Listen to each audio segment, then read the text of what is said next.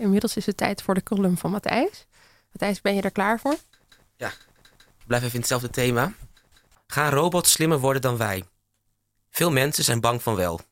Sommigen terecht, al ligt dit meer aan hun eigen intelligentie dan aan die van de robots.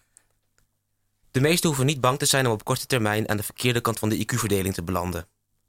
Een ware concurrent van het kaliber Wall-E is nog in geen velden of wegen te bekennen. De angst voor autonome moordmachines is minder misplaatst, getuigen de ongelukken met zelfrijdende auto's. Alleen is hier de oorzaak eerder een gebrek dan een overdaad aan kunstmatige intelligentie. Dergelijke incidenten tonen aan dat zelfs de grootste experts op dit moment hoogstens in staat zijn tot de artificiële ontwikkeling van matige intelligentie. Onderzoekers in de kunstmatige intelligentie gaan tegenwoordig vrijwel ieder probleem te lijf met het duizend dingen doekje van de neurale netwerken. Dat klinkt alsof er op Science Park al een levendige cyborg community bestaat. Maar in feite gaat het hier gewoon om tabellen met getallen die je kunt vermenigvuldigen met andere tabellen. Zo'n tabel heeft een matrix, een matrix. Is in 1999 ook een term die buitensporig spannende associaties opwekt. Als Keanu Reeves de saaie waarheid had gekend, dan had hij die rode pil er wel wat sneller ingeknald. Met matrices valt weinig te lachen. Er zijn wel serieuze pogingen ondernomen om met neurale netwerken een grappengenerator te bouwen. Alle resultaten waren ofwel onbegrijpelijk, ofwel racistisch, of gingen over Chuck Norris. Toch kunnen algoritmes uit de kunstmatige intelligentie best getuigen van humor, zolang het maar niet de bedoeling was van de programmeur.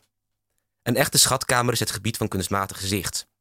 Als je ziet wat voor blunders computers hier maken, snap je waarom het dierlijk oog pas na miljoenen jaren evolutie is ontstaan en waarom de planten zich er maar helemaal niet in hebben gewaagd. Om deze reden heb ik de dappere computers die het toch proberen altijd een warm hart toegedragen. Het begon bij mijn eerste MacBook, die met ingebouwde gezichtsherkenningssoftware werd geleverd. Ik voerde een aantal relevante namen met bijbehorende afbeeldingen in en nam aan dat het apparaat de foto's van de Rome-reis daarna wel op eigen houtje zou kunnen verwerken. Meneer Veenstra, een kale docent Duits van eind 40, matchte met de Venus Capitolina en mevrouw van den Berg, de vrolijke biologielerares, werd geïdentificeerd als het beeld van de ster van de Gallier. Aan mijn gezicht werd consequent de naam van de klasgenoot toegekend, wiens foto's op zijn beurt naamloos bleven. Toen er later eens een afbeelding van de Crazy Frog tussen mijn bestanden belandde, werd hij daarin wel herkend. Gezichtsherkenning blijkt nog steeds lastig. Aziaten krijgen regelmatig automatisch gegenereerde afwijzingen van hun pasfoto's omdat software vindt dat ze hun ogen dicht hebben. En programma's die aanraden om mensen maar te arresteren omdat hun portret voor 99% overeenkomt met dat van een misdadiger, daar moet je al bijna net zo voor uitkijken als voor een Tesla zonder chauffeur. Een paar maanden geleden probeerde ik een telefoon uit die je kunt ontgrendelen met gezichtsherkenning. Op een zaterdagavond activeerde ik de functie. Toen ik de volgende ochtend terugkwam van uitgaan, werd ik al niet meer herkend. Er verschijnen de laatste tijd ook geregeld berichten over een massaal surveillancesysteem gebaseerd op gezichtsherkenning, waarmee de Chinese overheid informatie over burgers verzamelt. Het engste hieraan is niet eens dat iedereen voortdurend in de gaten wordt gehouden, maar dat het systeem onvermijdelijk allerlei mensen door elkaar zit te halen. Om de aandacht af te leiden hebben fabrikanten de consument opgescheept met andere interesses.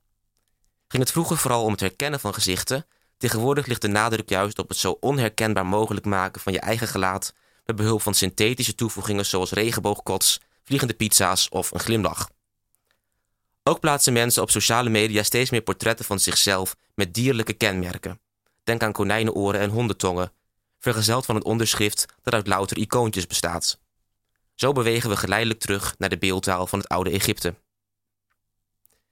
Filters waardoor je hoofd de vorm krijgt van een aardbei maken gezichtsherkenning er niet makkelijker op. Maar niet alleen hoofden zijn lastig uit elkaar te houden. Ook het verschil tussen handtasjes en hakbijlen schijnt er bij de bestaande algoritmes maar moeilijk in te gaan.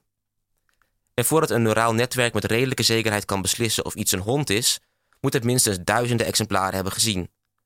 Zelfs daarna worden nog aan de lopende band Hongaarse herdershonden aangezien voor dweilen en chihuahuas voor muffins. Spraakherkenning is al net zo'n doos van Pandora. Vorig jaar bracht Amazon Alexa op de markt, een apparaat dat gesproken commando's uitvoert. Toen een Amerikaanse presentator op tv eens zei: Alexa, buy a dollhouse, werden in de hele VS massaal poppenhuizen besteld door Alexa's die te dicht bij de tv stonden. Zoals dat nu vast ook zal gebeuren met Alexa's die te dicht bij de radio staan. En als ik tegen Google Assistant op mijn telefoon zeg: open Tinder, dan volgt er stevast een noodoproep. Heeft de kunstmatige intelligentie dan helemaal geen overwinningen behaald?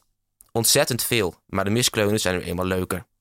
Bovendien laten ze duidelijk zien wat voor verschillende grootheden mens en machine vooralsnog zijn.